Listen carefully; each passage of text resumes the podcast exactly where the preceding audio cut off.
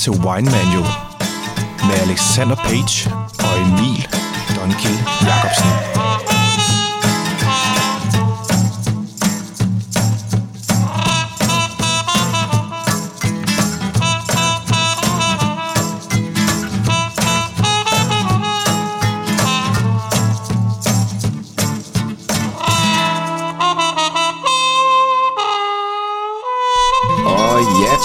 Velkommen til Wine Manual, Danmarks vinskole på podcast, der skal gøre dig til en vinekspert.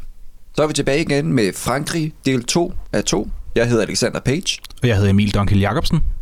og sidst der introducerede vi dig for Bordeaux, Bourgogne og Côte d'Iron. Men i dag, der tager vi resten af de populære vinområder. Ja, og vi hopper ud i det. Starter med Loire.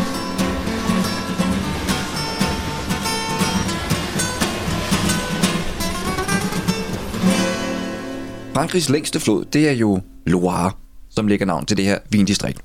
Og den øh, udspringer tæt på Amitage i Nordroen, som vi snakkede om i sidste afsnit, øh, hvor den så efter 1000 km den flyder ud i Atlanterhavet ude i vest. Og vindistriktet det strækker sig langs den her flod ud fra Atlanterhavskysten og så 500 km østpå ind i landet. Det er altså et rigtig stort område. Det er et område med et dårligt klima, hvor druerne egentlig har svært ved at modnes ordentligt i de fleste år, fordi at sommerne de typisk ikke er varme nok. Men det er et hjem til over 4.000 vingårde, som producerer en lang række af vine, som egentlig er ret undervurderet. Ja, og mere end halvdelen af vinene herfra, de er hvide. Og så har du en fjerdedel, der er røde, og den sidste fjerdedel, det er så rosé og museerne. Og det er jo nogle vine, som egentlig godt kan konkurrere med de perlende vine fra Champagne. Ja, præcis. Og der hedder de jo Cremant. Cremant de Loire. Og lad os lige tage de mest øh, populære druer i Loire. Der er jo den grønne drue Chenin Blanc, som altid har spillet en vigtig rolle i Loire. Den modner ret sent og har brug for rigelig sol, for at den bliver interessant. Men den laver nogle knastørre og kraftfulde vine, men øh, den er også modtagelig for den her edle rådskab, altså botrytis, som vi snakkede om øh, i sidste afsnit, som er den her skimmelsvamp, som rammer druerne, og som gør det muligt at lave nogle søde dessertvin, ligesom man ser i Sauternes. Og så er der en anden grøn drue, Sauvignon Blanc, som spiller en særlig rolle i det østlige Loire. Og den er ligesom Chenin Blanc rå og oversyret i de her år, hvor der er lidt for lidt sol. Men øh, den kan være helt fantastisk i gode år, hvor den modnes perfekt. I Loire, der skal Sauvignon Blanc være let og sprød og intens, med nogle tydelige stikkelsbærnoter og noget, lige noget passionsfrugt og hyldeblomst. Og vi skal også smage Sauvignon Blanc lidt senere. Mm-hmm. Og så kommer vi til Loires tredje grønne droge, som hedder Muscadet. Og den findes kun ude i kystområdet mod Atlanterhavet. Og druen her, den har givet navn til både området og vinene, der kommer fra. Og det er en drue, som giver en frisk og læskende og sådan ret neutral vin.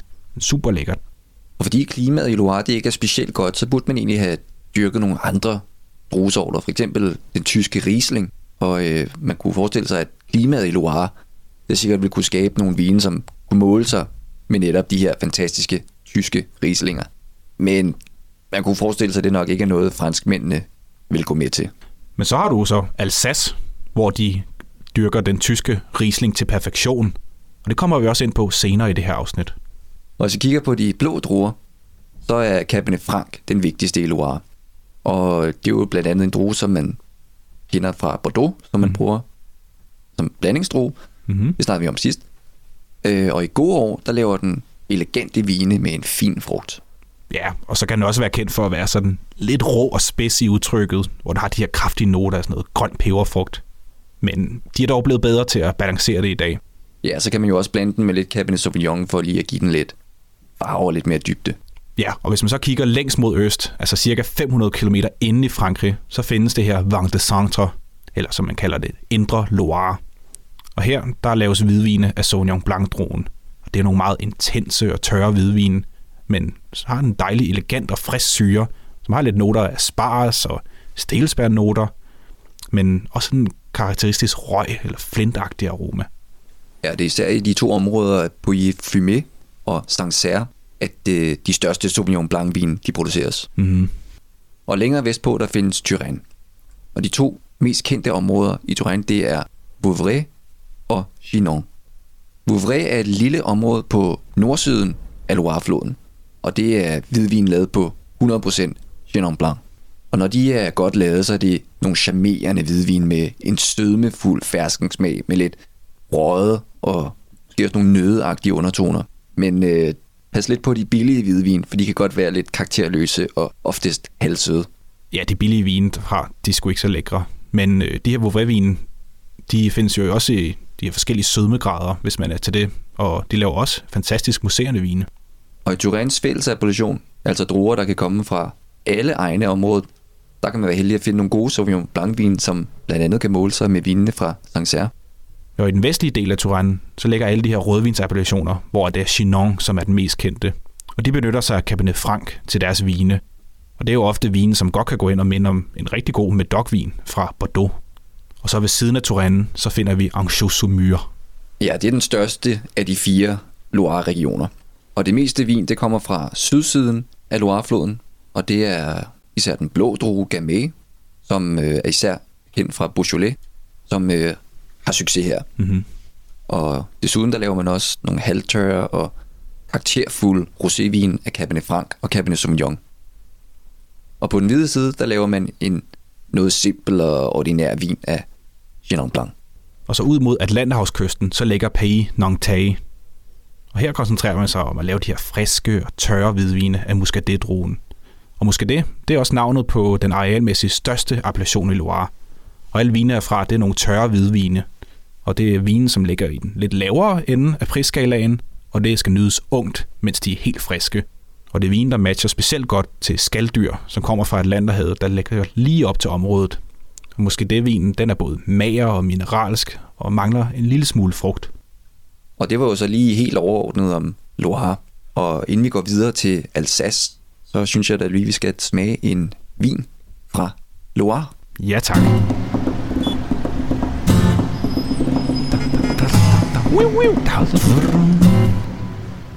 Det vi skal smage nu, det er jo noget Loire-vin fra Chateau de Sancerre, årgang 2015. Og det er fra Sancerre AOP-appellationen. Og den er lavet af 100% Sauvignon Blanc. Det er egentlig meget sjovt, at chateauet hedder Sancerre og kommer fra Sancerre. Det kan ikke blive mere simpelt, vel? Nej. Men øh, lad os prøve at kigge på den først. Ja. Det er jo en, øh, en let gylden vin. Klar. Har ikke nogen øh, fejl eller Nej. mangler. Den er hverken grumset eller noget som helst. Har et lille grønligt skær i sig, synes jeg. Ja, måske. Lad os prøve at dufte til det. Ja, okay. Ja, men ikke i tvivl. Det er Sauvignon Blanc. Ja, det er meget klassisk. Den er ligesom ikke den store intensitet, men øh, den dufter ekstremt klassisk. Ja.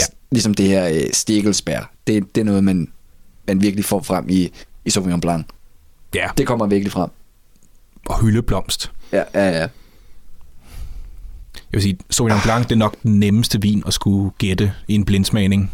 Ja, Riesling er også ret, øh, også ret nem, Ja. vil jeg sige. Men øh, ja, det er, en, det er en klassiker, den her. Den har Det også noget, den har noget kvæde og Mm, lidt, lidt fennikel også. ja. Meget blomsteragtig, meget floral. Mm-hmm. Ja, meget lige til. Man siger også tit, at øh, Sauvignon Blanc det dufter af spars. Ja, og kattepis. Ja, og kattepis også. Men øh, ikke, øh, det, det er ikke så fremtrædende i den her, synes jeg. Nej. Ikke så overdrevet. Lad os prøve at, at smage. Mm-hmm.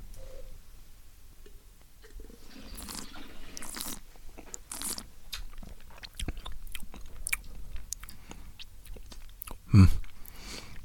Så er Ja. der hyldeblomstsaft for alle pengene. Ja, men uden sødmen, ikke? Jo, Det er meget syredrevet vin. ja. Og sådan en limefriskhed også, men Ja. sådan lidt blomstervandsagtig. Men den er, den er overhovedet ikke, den er ikke overdrevet eller noget. Nej. Den er, hvor meget alkohol er den i? Den er 13,5, ikke? Jo, 13,5. 13,5. Ja, man kan også godt fornemme sådan en lille alkoholisk touch, som giver en god fylde. Ja. Det er sgu meget lækkert. Mm-hmm. Men det har ikke, altså jeg synes det er ikke det er et klassisk eksempel, men den har ikke den her, det er ikke, det er ikke vildt meget personlighed, synes jeg. Nej, den opfylder alle kriterierne, hvad Sancerre skal smage af. Ja, ja. Og så kan man jo sige, det er jo vellavet det her. Det er meget vellavet, Ja. og det er en rigtig dejlig, sådan, god lang finish. Mm. Den afslutning hænger godt i munden. Ja, ja.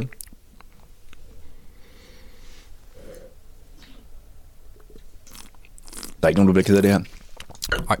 Men Sauvignon Blanc, det er også blevet rigtig populært. Specielt øh, de New Zealandske vine, som øh, er lidt mere overdrevet, end dem du finder i, i Bordeaux og i, i Loire, ligesom Sancerre her.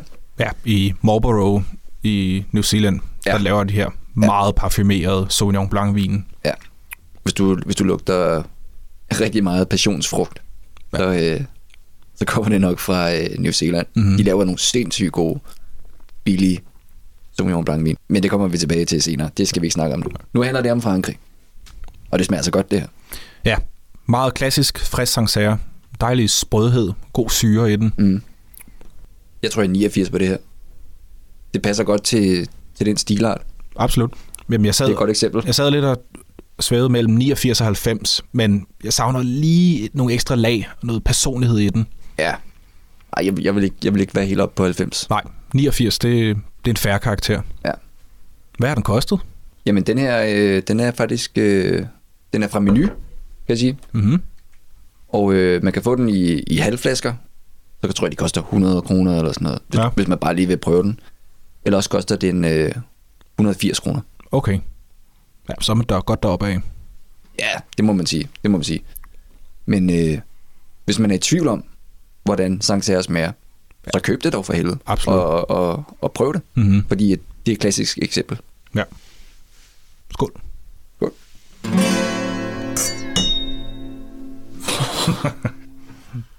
og så kører vi så videre til Alsace. Danskerne de plejer jo at være ret glade for vinene fra Alsace, på grund af at de har lidt højere alkoholprocent, og de har også et ret fremtrædende aromatisk udtryk. Ja, men så efterfølgende så er de tyske Riesling-vin jo gået ind og overtaget pladsen her gennem de seneste par år. Så de har jo lidt en anelse mere finesse og friskhed. Og så også dog en lavere alkoholprocent. Ja, det er ligesom kongerne af Riesling. Ja, vi skal passe på, hvad vi siger. Ja, det skal vi. Det skal vi. Nu handler det jo om Frankrig. Ja, men jeg skal ikke have en franskmand på nakken, når jeg er i nej, Alsace. nej, nej, nej, nej, nej. Men det er jo de øh, karakterfulde hvidvin og museerne vin, der har gjort Alsace populært. Og Alsace, det grænser op til Tyskland. Og Alsace, det har jo faktisk også været tysk flere gange. Faktisk øh, senest under 2. verdenskrig. Mm-hmm. Og derfor der er kulturen og sproget i Alsace nærmest også en blanding af fransk og tysk. Ja, mange af vinslottene i Alsace, de er navngivet på tysk, og markerne der også. Ja, det gør det lidt lettere for os danskere. Ja, rent udtalmæssigt. Præcis. Og det er jo især Riesling-druen, som begge områder er meget kendt for. Ja, også flaskerne. De her, som I sikkert har set før, de her høje, slanke og langhandelsede flasker, dem bruger man både i Tyskland og Alsace. Ja. Og vigemarkerne her, de ligger på skråningerne af Vosgebjergene, som fungerer som en slags beskyttende mur for vestenvinden, som driver ind fra Frankrig over Atlanterhavet. Ja, det giver jo nogle ret gode klimatiske betingelser, som også er med til at forme Alsace-vinene. Mm-hmm. For klimaet her, det er vintrene, de er meget kolde, men øh, det er egentlig uden den store betydning, fordi vinstokkene, de er allerede gået i hi på det her tidspunkt. Og sommerne og efteråret, de er varme, hvilket er super godt for modningen af druerne.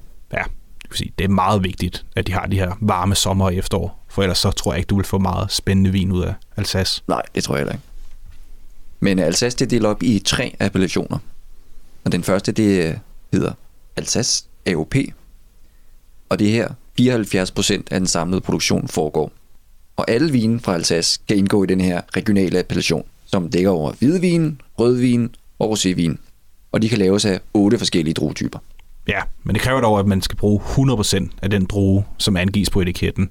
Og hvis man går hen og bruger en blanding af forskellige druer i vinen, så skal man kalde vinen for Edelzwicker på Præcis. tysk. Og det er jo ret let, hvis du skal finde en vin fra Alsace, fordi der står typisk, hvad det er for en droge, der er i. Ja, Det er lidt øh, noget, man ser i de oversøiske vin, for eksempel. Men man siger faktisk, at det kommer fra Alsace, det her med at skrive på etiketten, hvad der er i. præcis. Og hvis vi ser på de museerne vine fra Alsace, så har de appellation, der hedder Cremant d'Alsace. Og det er jo vine, som sagtens skal hamle op med konkurrenterne fra Champagne. Og det bruger også samme metoder som i Champagne, men det er ofte nogle andre druer, som man benytter i de her Cremant fra Alsace. Og så har vi jo Alsace Grand Cru AOP. Uh ja, Men øh, før i tiden, der havde man kun den regionale Alsace AOP, som vi snakkede om lige før, som dækkede over hele Alsace. mm-hmm. Og i Bourgogne, så har man også det her Grand Cru-system, men det er langt mere avanceret, og det deler ligesom vinene op i nogle forskellige kvalitetsniveauer, og det gør jo lettere for forbrugeren, ligesom at finde ud af, hvilken kvalitet vinen er, Ja. og ligesom vælge den gode vin. Ja, og det var så også derfor, man lavede den her Concru-klassifikation. Men kan man sige, det er jo ikke alle vinbønder i Alsace, som var helt begejstrede for den idé. Nej, for den her klassifikation, det vil ligesom få forbrugerne til at, at favorisere de her Grand Cru-marker. Øh, og det gik blandt andet ud over de her vinkøbmænd, som ellers har stor succes med at købe og blande druer fra hele Alsace, for derefter at skabe en vin under den regionale øh, Alsace-appellation. Ja. Og de fleste af de her 50 Grand Cru-marker, de ligger i det sydlige Alsace, hvor der er allermest sol og varme. Og vinene, de må kun laves på druerne Pinot Gris, Muscat, Gewürztraminer, Riesling og Sylvaner. Ja, derudover så har du så den naturlige alkoholprocent, altså den alkohol, som sukkeret i mossen naturligt skaber. Det skal være højere end den i den regionale appellation. Og det vil altså sige, at det kræver nogle modne druer med nok sukkerindhold. Og det får du altså hernede sydpå, og det er derfor, man har valgt Grand Cru-markerne herfra. Ja, desuden så skal høstudbyttet næsten også halveres, fordi de har de her stramme regler, som også er med til at give vinene fra Grand Cru-markerne mere personlighed og en form for status. Og udover de tørre hvidvin, så laver man desuden også søde dessertvin i stil med dem, man ser i Tyskland og i Sautern. Ja. Og vinstokkene i Alsace, de står på nogle granitbjerge, hvor jorden den er sammensat af blandt andet rød sandsten, limsten, sand, grus og kalk. Og jordbundsforholdene de er forskellige fra vinmark til vinmark, så man må plante de druer, som egner sig bedst til den specifikke jord. Ja, og blandt andet drogen Gewürztraminer, den går for eksempel bedst i lerjord, allerlængst nede på de her skråninger, hvorimod Riesling, den vil helst have noget kalk og limstensjord, som ligger øverst på skråningerne. Ja, Riesling det er, det er druen, der ligesom er skaberen bag de mest elegante vine i Alsace. Og i Alsace der er det en aromatisk drue, hvor syren den er ret hård, men samtidig også fornem, og den dækkes ligesom af en, en honningagtig varme.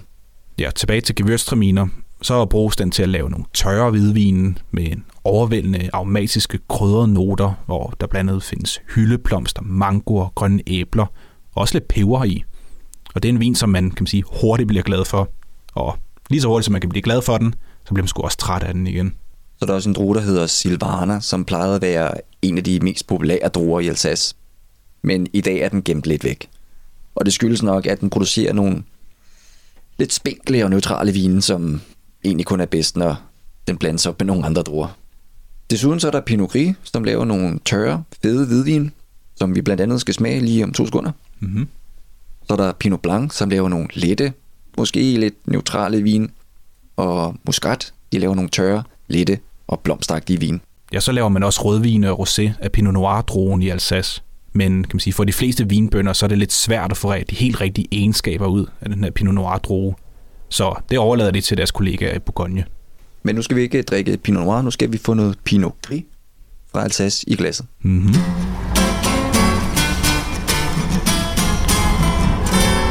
Ja, og vinen, vi skal drikke nu, det er fra Le Clos Chateau d'Issenburg, og vinen hedder La Vigneret, og det er en årgang 2007, og den er lavet på 100% Pinot Gris. Ja. Grunden til, at vi ikke har valgt en Riesling fra Alsace, det er jo fordi, at i de senere afsnit, når vi skal smage Tyskland, så kommer vi til at gå igennem en del Riesling. Så det er lidt sjovere at smage noget Pinot Gris i stedet for. Ja, jeg har lidt mere at byde på i, øh, i Alsace. Ja. Som altid, lad os kigge på den. Flot. Gylden, ikke? Jo, meget klar og gylden i udseendet. Ja. Men den er også fra 2007 jo. Så øh, altså vin, hvidvin, det øh, bliver mere dybt gyldent i, i farven med tiden. Ja, det er rigtigt. Men øh, den er flot og klar. Mm. Fejler ikke noget. Det Prøv at dufte til det. Ja, lad os se, om den dufter godt.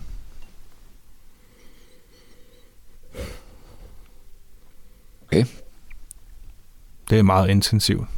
Meget varm næse, ikke? Jo, Altså lidt øh, honning, honningagtigt. Det er sådan lidt honningmelon. ja. Det er sådan lidt... Øh, ja, sådan, sådan, det varmer, synes jeg. ja den har jo sådan aprikos, sådan en moden fersken. Ja, ja, ja. Sådan helt blød fersken. Mm-hmm. Er vi også lidt heldige, eller der er lidt røget flintestens karakter? Jo, det er rigtigt. Så når man, øh, når man lige sådan støder to flintesten sammen, den der gnist røg, Ja. der kommer frem, ikke? Og sådan lidt en mineralsnåle. ja, Interessant. Meget. Tyder på, at det er en god vin. Ja, men der har også noget alder. Den er, den er mere, øh, mere dyb i det, ikke? Og sådan lidt mere øh, overmoden på en måde. Ja, det kan man godt kalde det. Holder sig godt. Lad os prøve at smage på det.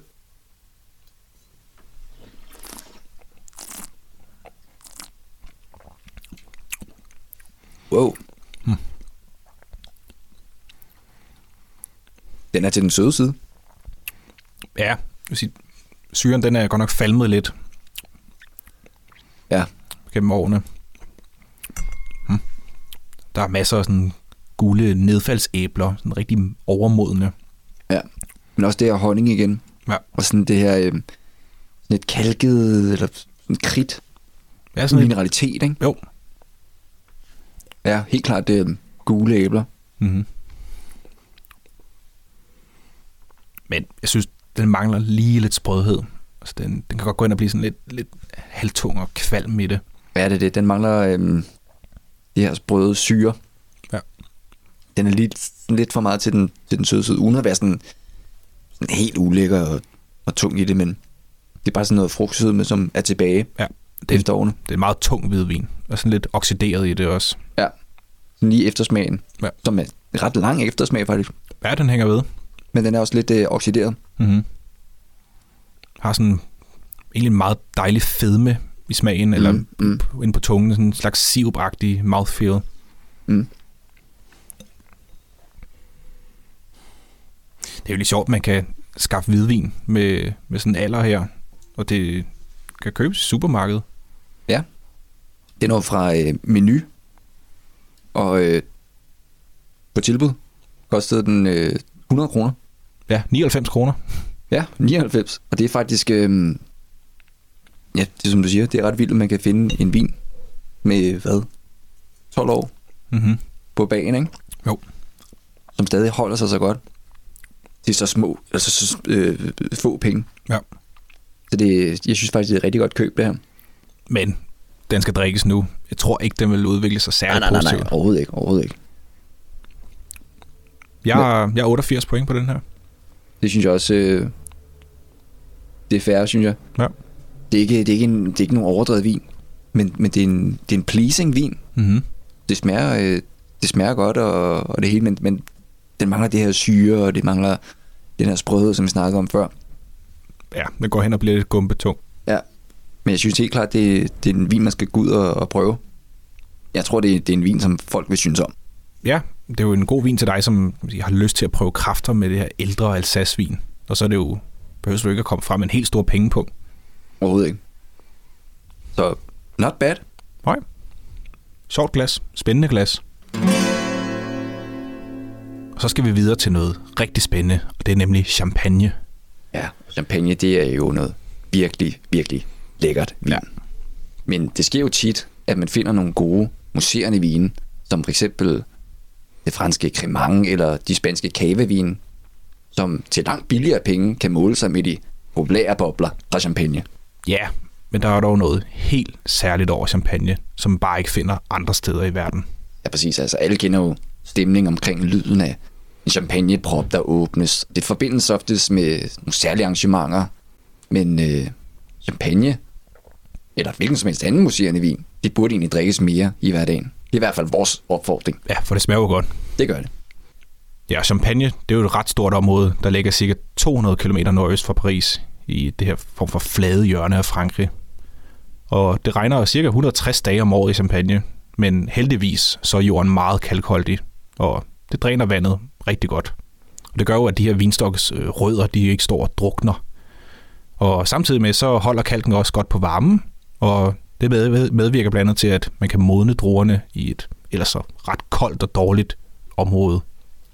Når man laver champagne, så starter man med at lave en knastør og neutral hvidvin. Og det er også det, man kalder en grundvin. Det er sådan en stille vin, altså en vin uden bobler.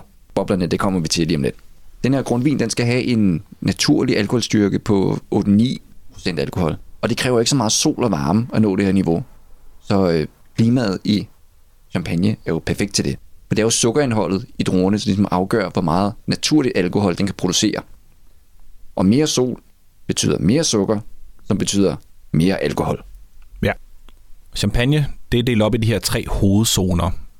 Og til at starte med, så har vi Montagne de Reims. Det er jo en form for stor høj, hvor der på den her store flade top er en tæt skov. Og vinstokkene, som øh, primært er Pinot Noir, de står på øst- og sydskråningerne. Grundvinene fra Montagne de Reims, de er Champagne-distriktets kan man sige, mest kraftige og mest komplekse vine.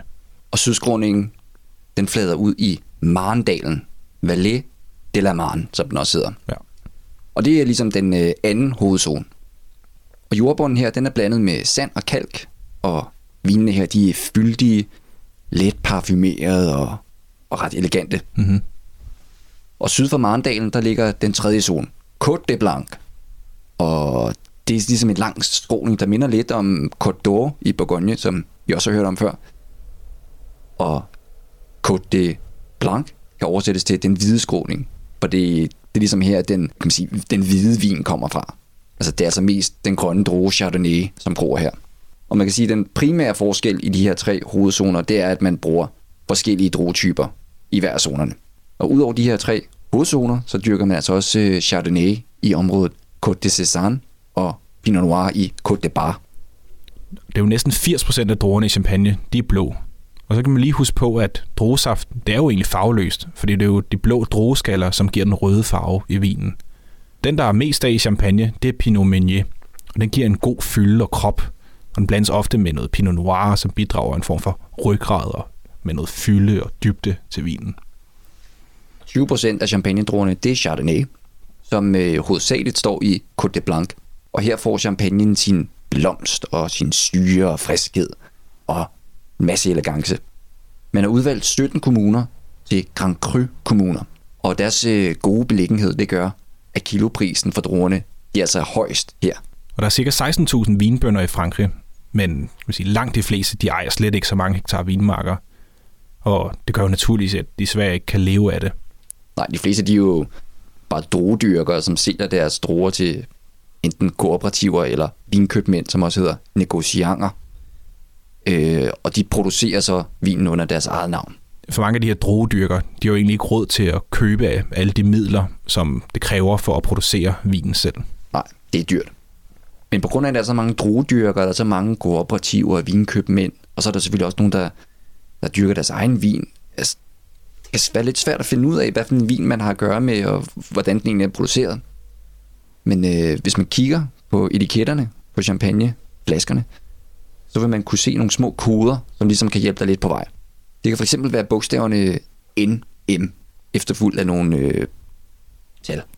Ja, NM, det består for Negociant Manipulant. Det er jo her, hvor at de store champagnehuse som Moet, Chandon og Boulanger, og de, de producerer vine lavet på købte druer. En sjov lille note, man egentlig kunne nævne, det er jo, at det, som folk kalder for Moe, det udtales faktisk Moet, fordi det er et hollandsk ejet hus i Præcis. gamle dage. Moet. Ja, tak. Moet.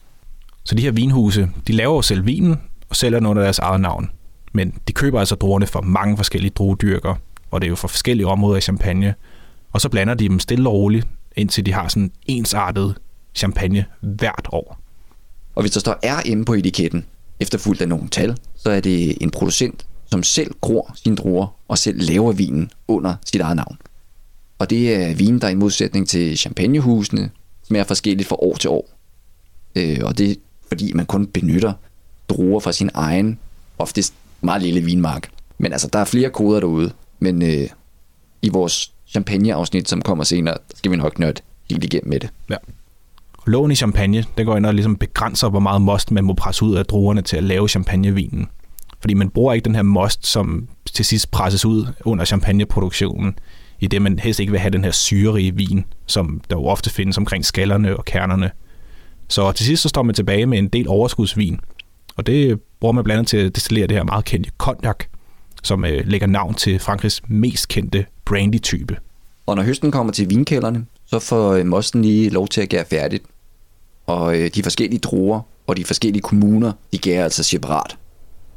Og efter gæringen, så blander man de forskellige druer fra de forskellige kommuner til en samlet hvidvin. Som du nok har lagt mærke til, så står der jo ofte ikke nogen overgang på etiketten af de her champagneflasker. Og det skyldes jo, at øh, vinbønderne de gemmer vinmosten fra forskellige årgange, og så senere hen så blander de dem op og for at opnå den her sådan ensartethed år efter år. Jamen, der er dog enkelte år, hvor producenterne vælger at lave, hvad man kalder en vintage champagne. Og det er ekstra gode vine fra gode årgange, som i de fleste tilfælde er kraftigere og mere kødfulde og mere komplekse. Ja, så du kan jo sige, du har champagne uden årgang, det kalder man for non-vintage. Eller, står- NV. Ja. Og så har du de årgangschampagner, som man kalder for vintage champagne. Hvis der på champagneetiketten står Blanc de Blanc, så er det altså champagne, der kun er lavet af Chardonnay. Og de producerer nogle lidt elegante, frugtagtige vin. Men de kan også øh, ret hurtigt blive lidt tyndbenet og syrerige. Ja.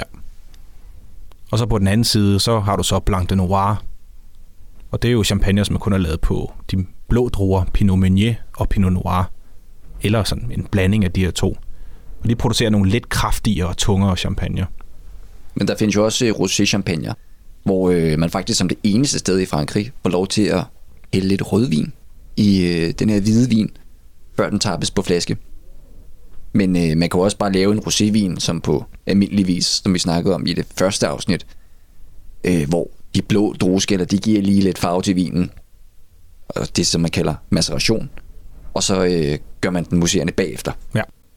Og når vinproducenterne så har stået inde i deres kan man sige, lille vinlaboratorie og fundet ud af den rigtige drueblanding til deres champagne, så hælder man vinen på nogle tykke flasker, og så forsejles den med en form for midlertidig kapsel eller korprop. Og så derefter så tilsætter man noget sukker og noget gær, som så skal lave den her anden gæring i flasken. Den her angæring, den vil så skabe lidt øh, alkohol og kulsyre, som opløses i vinen og giver den boblerne. Flasken den bliver så lagt i kælderen med flaskehalsen nedad i øh, sådan en form for reol med huller i. Du kan forestille dig det.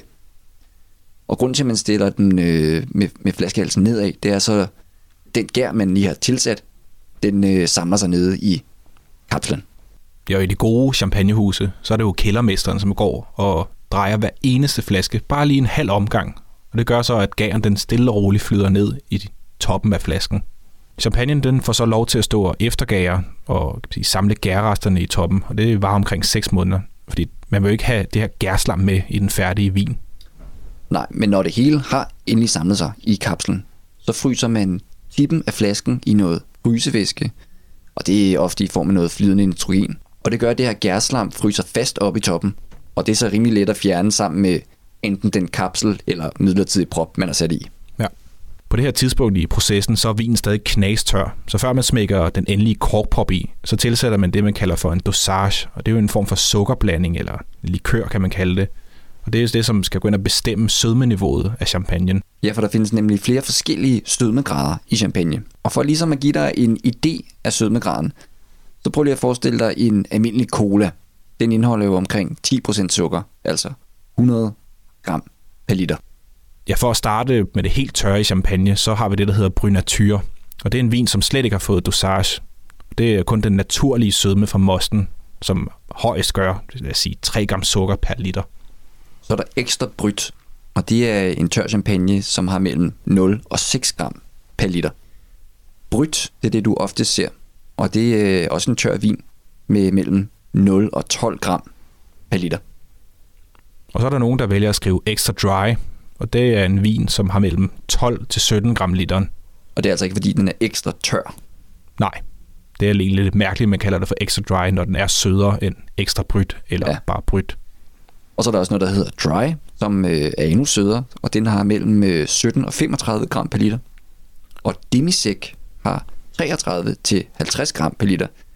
Og det begynder altså at blive lidt halvsødt nu. Ja. Og så er den allersødeste, det er så det, man kalder for du. Og det har over 50 gram per liter. Ja, og så kan vi jo vende tilbage til colaen jo. Det er jo halvt så sødt. Minimum halvt så sødt som Ja. en cola. Det er altså en sød vin. Og som en sidste krølle på halen, så produceres der over 250 millioner flasker champagne om året. Det Så er der mangler ikke noget. der er eddermuk med meget. Det var så de seks klassiske områder, som vi har gennemgået i det her to af afsnit om Frankrig. I første del, der var vi igennem Bordeaux, Bourgogne og Côte d'Or. Og i det her afsnit kom vi igennem Loire, Alsace og Champagne. Men øh, der gemmer sig jo stadig nogle flere områder øh, derude i Frankrig, som stadig producerer god og interessant vin. Ja, det er jo stadig værd at nævne Languedoc-Roussillon, som en af de også relativt kendte vinområder i Frankrig. Det er det. Det er jo et, øh, hvis vi bare lige skal nævne det kort, det er jo et populært område, som ligger langs øh, Middelhavet i Sydfrankrig. Og det er faktisk lidt et undervurderet område, fordi der produceres rigtig mange gode budgetvin. Og det er et område med masser af sol og varme, hvor man får rigtig modne druer. Og de fleste producenter, de bruger drueblandinger eller blends til deres vin. Og det er især rødvinene her, som er interessante og populære. Det er ofte sådan nogle kraftige og frugtdrevne vine med masser af fylde, lavet af druerne Grenache, Syrah, Mouvetre og Carignan. Og det er jo noget, vi snakker om tidligere fra Sydruen, og det er altså også vine, der minder ret meget om de røde fra Sydruen. Ja, især området Minavois er noget, man skal holde øje med, fordi de producerer nogle virkelig lækre vine, og det er stadig til at betale. Ja, det er rigtigt. Det er virkelig nogle solmodne, lækre vine, som vi kan anbefale her fra Wine Manual. Men øh, man producerer også hvide, rosé og muserende vin. Et andet område, som også ligger på Middelhavskysten i Sydfrankrig, det er Provence, som laver masser af rosévin. 88% af produktionen, det går til rosé, og det er et område, der har lavet vin i over 2.600 år. Hold da op. Og det er faktisk øh, Frankrigs ældste vinproducerende område. Ja. Og i Provence, der går der jo frit øh, Provence-krydderier, altså lavendler, rosmarin og timian og enebær, også det man kalder garrigue Mm-hmm. på fransk. Og det er også øh, noter, man kan finde i vinene fra ja. Provence. Så hvis du har noget rosévin, så får du noget fra Provence. Ja. Provence, det er rosévinens hovedstad. Og man kan lige forestille sig at sidde nede ved Rivieraen i Saint-Tropez, og så nyde et glas iskoldt rosévin. Ja, og det er også det, man har taget med hjem til Danmark. Men øh, det er ikke Rivieraen, det er Svanemøllen Havn. Ja, tæt på, men ikke helt det samme. Og det runder jo ligesom det her dobbeltafsnit af om Frankrig. Men øh, for ligesom at slutte af på en helt ordentlig måde, så synes jeg da lige, vi skal smage noget champagne. Yes. Endelig, ikke?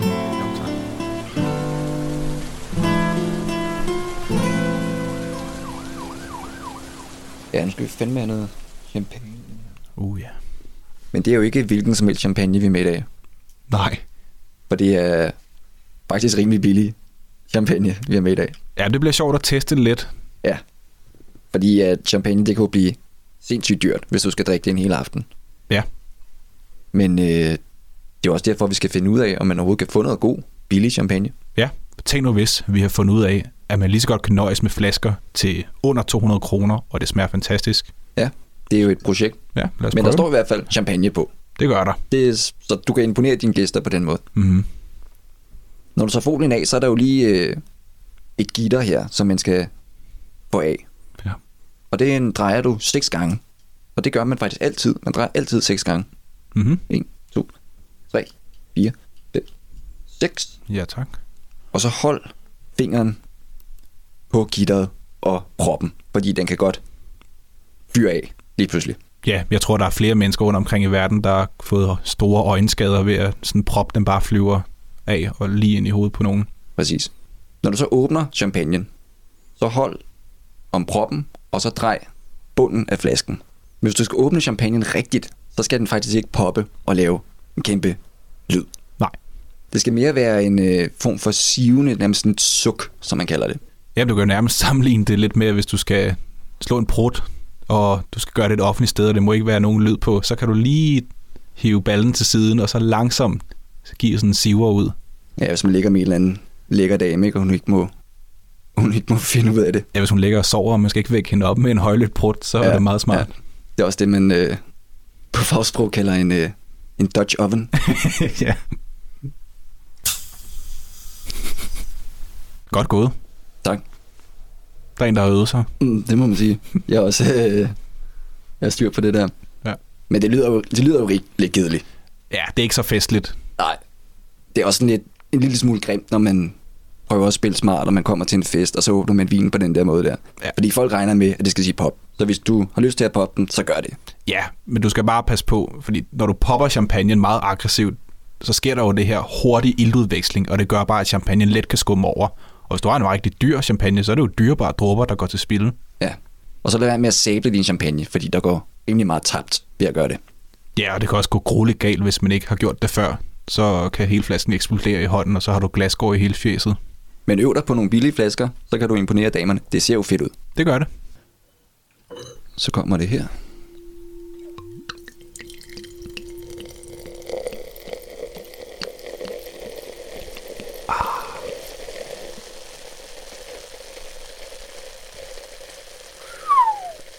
Hold da kæft, hva'? Ja, god skub. Nå, det skal da blive spændende at se, om det overhovedet kan noget, det her. Det ligner i hvert fald champagne. Det gør det. Det vi skal drikke i dag, det er så en det er champagne, som hedder Veuve Durand Reserve Bry Champagne, og det er non-vintage. Lad os lige som altid så kigge på den. Ja. Det er sådan øh, en let gylden farve, ikke? Jo, Meget flotte perlende bobler, mm-hmm. som også er et kvalitetsstempel, er der mange, der siger. ja. Det skal altså ikke være nogle store og kraftige øh, bobler, de skal helst være fine i det. Ja, det må sige, det, det er opfyldt her. Lad os snuse til det. Hvad fanden? Det lugter sgu meget godt. Er det... Øh... Er det champagnens Eldorado, eller hvad? Ja, er præcis. Okay, det dufter meget øh, genkendeligt, kan man sige. Det er de her øh, noter, man finder tit i champagne. Det, er- det er sådan noget gær, gæragtigt. Ja, det sådan kan være, en velgavet brød. ja, præcis. Måske øh, nærmest noget, du kan finde i øl. Nærmest sådan, Mhm. mm. sådan en gærnot. Og så er det typisk... Øh, de kan godt være meget tunge i det, faktisk. Sådan lidt forestiller noget øh, marcerintærte eller noget... Øh, Nogle gule æbler. Ja, gule æbler og, øh, og, og lidt mælkechokolade. Ja, den, og op- det er der faktisk i den ja, her. den opfylder det meget godt. Og en lille, fin anis-karakter. Ja, og den er også lidt oxideret. Ja. Og når jeg siger oxideret, så er det, øhm, at den har fået noget iltkontakt. Mm-hmm. Så den er blevet sådan lidt, hvad skal man sige, sådan lidt råden i det. jeg vil godt sige. Jeg vil ikke kalde det for råden, men det går ligesom ind og aktivere frugten, uden at blive eddike, men stadiet før eddike. Ja, altså den, den bliver sådan lidt, øhm, lidt off, kan man sige. Men, men det er et, et godt tegn. Det er noget, der dufter godt. Ja, så, Selvom, det, ikke, selvom det ikke lyder særligt. jamen, så længe det ikke er, er alt for oxideret. Nå, skal vi smage på det. Send en steam.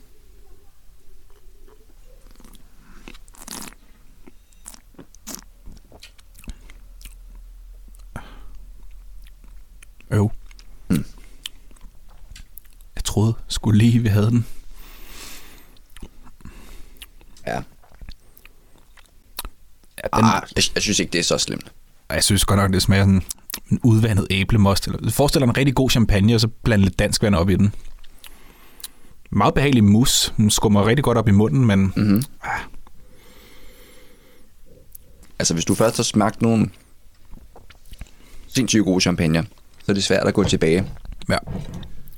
Men hvis jeg skal se på det helt objektivt, så synes jeg altså, det er, at det egentlig fungerer ret godt. Så skal vi ikke lige øh, afsløre, hvad fanden den koster. Jo, og hvor den købte henne. Det er det. Den er købt i Aldi. Nå, Ja. Og øh, den koster kun omkring, jeg tror, den koster 120 kroner. 120. Ja. Okay. Og øh, man kan få den til tilbud 100 kroner nogle gange. Mm-hmm. Det synes jeg er ret vildt. Og øh, det er faktisk ikke... Øh, det, altså, det er druer, kommer, der, der kommer fra champagne. Ja, ellers må de jo ikke skrive champagne. Nej, nej, selvfølgelig. Men det er, det er kraftet med et tysk firma, som har produceret vinen. Altså, det vil sige, at de har vinificeret vin i Tyskland. Yes. På en tysk fabrik. Nej, nej, nej. Deutschland, ikke? Men altså, prøv at høre, de kan lave Audi'er og... Jeg kunne blive ved, ikke? De kan, de kan lave alt, alt det gode, ikke? Jo. Altså, det, det er tysk effektivitet. Men de kan fandme ikke lave champagne. Ah, jeg synes altså, det fungerer rimelig godt, det her. Det er 100 kroner. Ja. 120 eller whatever. Det, det, jeg vil sige, det er ikke den store, øh, altså helt store smagsbombe. Er sådan lidt semi-neutral. Hænger ikke rigtig ved i munden. Og, vil sige, næsen, den er jo super lovende. Men Den er godt nok skuffende i min optik. Det synes jeg, jeg synes, det, det fungerer meget godt. Nå. Hvad, hvad druer er den lavet på? Den er lavet på Pinot Noir, Pinot Meunier og øh, Chardonnay. Så alle gode gange tre. Ja. Mm. Klassisk øh, blend. Men det er jo et flot, det er jo et flot flaske, det er jo et flot label og alt muligt. Der, er sjovt. der står champagne med store øh, bogstaver og sådan noget. Ikke? Altså, Jo, jo.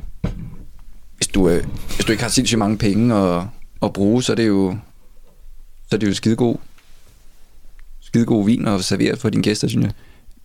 Ja, hvis du gerne vil imponere, og du får, lad os sige, 100 mennesker på besøg, og det, dit budget er lidt øh, begrænset, Mm. så er det jo meget godt at købe en, en spand fuld af de her billige champagne, og så have dem stående fremme for størstedelen af dine gæster aner sikkert ikke, hvor, hvor det er fra, og hvad det har kostet. Overhovedet ikke.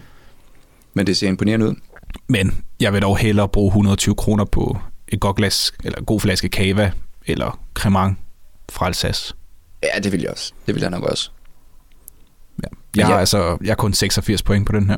86? Ja. Okay, der var jeg slet ikke. Hvor højt er du? Øh, jeg synes altså, det, jeg vil godt drikke det her igen. Men jeg er ikke helt, helt oppe at ringe. Så jeg vil ikke give den 90, men jeg vil give den 89 point. 9. Jeg synes, det, jeg synes, det smager fint. Nå, jamen så, så er vi jo enige, men vi skal lade os møde på, på halvvejen og sige 88 point. Ja, ja, det kan jeg gå med på. Men det gør lidt ondt i hjertet for mig at sige 88 point til den her. Ah, jeg, jeg, prøver, øh, jeg prøver at tage den med til en blindsmagning, og så giver du den sikkert øh, 92 point eller et eller andet. Det tvivler jeg stærkt på. Lad os nu se, lad os nu se. Ja. Men hvis du tørster efter champagne, så synes jeg altså, det er helt i orden at gå ned i Aldi og prøve den her vin. Jeg personligt synes, det smager helt i orden. Og det tror jeg altså også, du gør. ja. Den dufter skide godt i hvert fald. Jo jo, jeg kan godt gå med til det. Og den smager også helt fint. Og prøv at høre, den koster 120 kroner. Ja, Det er altså godt køb. Det meget imponerende, at de overhovedet har kunne få prisen så langt ned, når det jo er druer fra champagne. Mm-hmm. Med tysk effektivitet. Ja. Så gå ned i Aldi og prøv den. Ja, og på den note, så øhm, er vi nået til vejs ende i det her afsnit om Frankrig. Og vi vil selvfølgelig dykke meget længere ned i de selvstændige regioner i Frankrig i et senere afsnit. Ja, vi skal nok komme øh, forbi Bordeaux og Bourgogne og alle de her lækre områder, så vi lige kan høre det helt igennem. Ja, det bliver dejligt. Virkelig kan lære, hvad det kan byde på. Ja. Og øh, næste gang, så skal vi jo til Italien, Mm. og vi skal smage nogle rigtig øh, spændende vine, som vi har fået tilsendt. Så øh, vi ses næste gang.